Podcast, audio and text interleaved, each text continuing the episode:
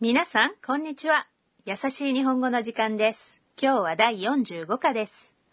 أهلا بكم مستمعينا الأعزاء في الدرس الخامس والأربعين من دروس تعلم اللغة اليابانية التي تأتيكم من راديو اليابان الدولي ل NHK World هذا البرنامج من تقديم كريم السمني ワーレンダーズヤで今日も一緒に楽しく勉強しましょう والجملة الرئيسية اليوم هي お誕生日おめでと عيد ميلاد سعيد بطلة القصة هي الطالبة التايلاندية أنا اليوم عيد ميلادها وتحتفل بهذه المناسبة في مطعم مع ساكورا وابن عمها كنتا الذي حضر خصيصا من شيزوكا تعالوا نستمع إلى حوار الدرس الخامس والأربعين والجملة الرئيسية هي う。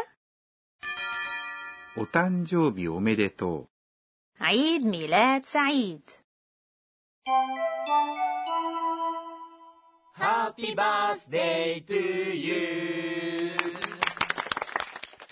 アンナ、お誕生日、おめでとうこれ、ほんの気持ちです。どうもありがとうございます。何をもらったの開けてもいいですか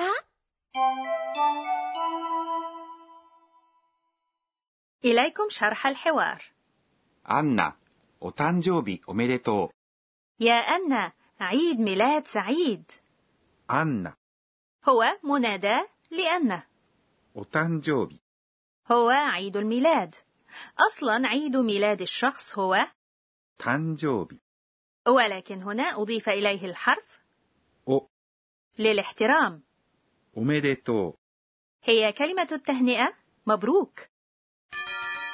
お誕生日おめでと هي الجملة الرئيسية في هذا الدرس う。お誕生日おめでと وإذا أردتم أن يكون الأسلوب أكثر تهذبا أضيفوا う。ございます。 بعد أوميديتو お誕生日おめでとうございます وهل يمكن يا كريمة تهنئة شخص نجح في الامتحان باستخدام أوميديتو غوزايماس؟ وكيف يكون ذلك؟ لنفكر معا النجاح في الامتحان هو 合格。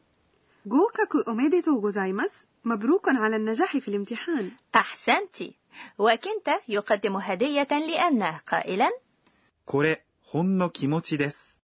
هذه هدية بسيطة これ、 يعني هذا ほんの يعني مجرد 気持ち。 يعني شعور ほんの気持ち。 هو تعبير يستخدم عند تقديم هدية لشخص آخر بغرض التواضع والجملة المثبتة في الكلام المهذب تنتهي باللفظ です。 وتقول أن متلقية الهدية من كنتا どうもありがとうございます。 شكرا جزيلا どうもありがとうございます。 هو أسلوب مهذب جدا من كلمة الشكر أريغاتو غوزايماس وساكورا تسأل أن 何をもらったの ماذا أعطيت 何 يعني ماذا を هو الحرف المساعد الذي يضاف إلى المفعول به もらった、 هي صيغة تا أي صيغة الماضي من الفعل もらいます、 أي يعطى أو يتلقى والجملة انتهت بالحرف の、 وهو اختصار من のですか الذي يستخدم عند طلب الشرح أو التأكيد 何をもらったの وأن تسأل كنت 開けてもいいですか هل يمكن أن أفتح؟ 開けて、 هي صيغة ت من الفعل 開けます、 أي يفتح وقد علمنا في الدرس الرابع عشر أن إضافة もういいですか إلى صيغة ت من الفعل معناها طلب الإذن ترى ماذا كانت الهدية؟ أريد أن أعرف. والآن تعالوا نستمع إلى حوار الدرس الخامس والأربعين مرة أخرى ハッピーバースデートゥーユーアンナ、お誕生日、おめでとうこれ、ほんの気持ちです。どうもありがとうございます。何をもらったの開けてもいいですか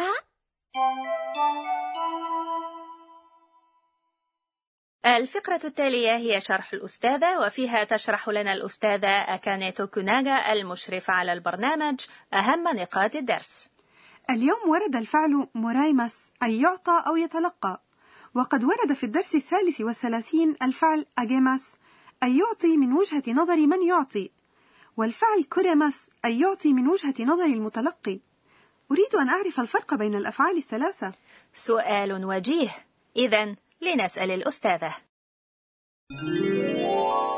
私が教えましょう تقول الأستاذة توكوناغا كل من あげます。 و くれます。 معناه يعطي أما もらいます。 فمعناه يعطى أو يتلقى وأي الأفعال نستخدم هو أمر يعتمد على من هو الفاعل ومن هو المتلقي أولا إذا كان الشخص الذي يعطي هو الفاعل في الجملة فسنستخدم إما أجيمس أو كوريمس ما الفرق؟ عندما يكون متلقي الشيء هو المتكلم او شخصا قريبا منه ينتمي الى نفس الدائره التي ينتمي اليها نستخدم くれます。 مثلا كنت يعطيني صوره الصوره هي 写真、 انا يعني 私、 والشخص الذي يعطى الشيء يضاف اليه الحرف المساعد に。 كنت يعطيني صوره يعني ケンタは私に写真をくれます。 أما إذا كان الشخص الذي يعطى الشيء شخصا من خارج الدائرة التي ينتمي إليها المتكلم فسنستخدم الفعل あげます。 كنت يعطي أن صورة يعني ケンタはアンナに写真をあげます。 أما عندما يكون المتلقي هو الفاعل في الجملة فسنستخدم الفعل もらいます。 أي يعطى أو يتلقى وهنا الشخص الذي يعطي يضاف إليه الحرف المساعد に。 عندما تعطى أو تتلقى أن صورة من كنت تكون アンナ、 أي أن هي الفاعل وكنت هو الذي يعطي وبالتالي يضاف إليه الحرف المساعد ني ويصبح ケンタに。 أن تتلقى صورة من كنت يعني アンナはケンタに写真をもらいます。 وعندما تتلقون شيئا من شخص أكبر سنا أو أرفع مقاما أنصحكم بأن تستخدموا بدلا من مرايمس الفعل الأكثر تهذبا いただきます。 لو تمكنتم من استخدام إيتاداكيماس في محله الصحيح ستعطون انطباعا بأنكم فعلا تجيدون اليابانية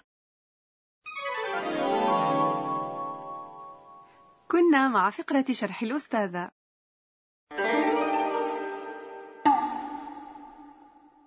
والآن مع فقرة كلمات المحاكاة الصوتية اليوم نتعرف على كلمات تعبر عن المواقف العاطفية المؤثرة ジーン、 هذه الكلمة تصف شعور الإنسان عندما يتأثر بشدة من موقف عاطفي ويكاد يبكي ジーン、 فعلا لفظ يوحي بارتجاف الجسم من شدة التأثر من موقف عاطفي ポロリ、 أما هذا اللفظ فيصف شعور الإنسان عندما يتأثر قلبه تعاطفا مع شخص آخر في موقف إيجابي يجعله يذرف دموعا غصبا عنه ポロリ。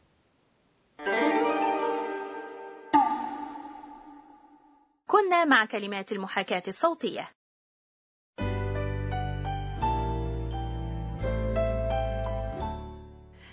آخر فقرة في الدرس هي تغريدة أن التي تتذكر فيها أحداث اليوم えーっと、今日は、 أهداني كنت عقدا مصمما على شكل جبل فوجي لقد تأثرت جدا دين بهذا وصلنا إلى نهاية الدرس الخامس والأربعين وكانت الجملة الرئيسية فيه お誕生日おめでと عيد ميلاد سعيد في الدرس القادم سنتابع الحوار الذي دار بين أنا وكنت بعد حفل عيد الميلاد وحتى ذلك الحين إلى اللقاء من راديو اليابان الدولي NHK World سايونارا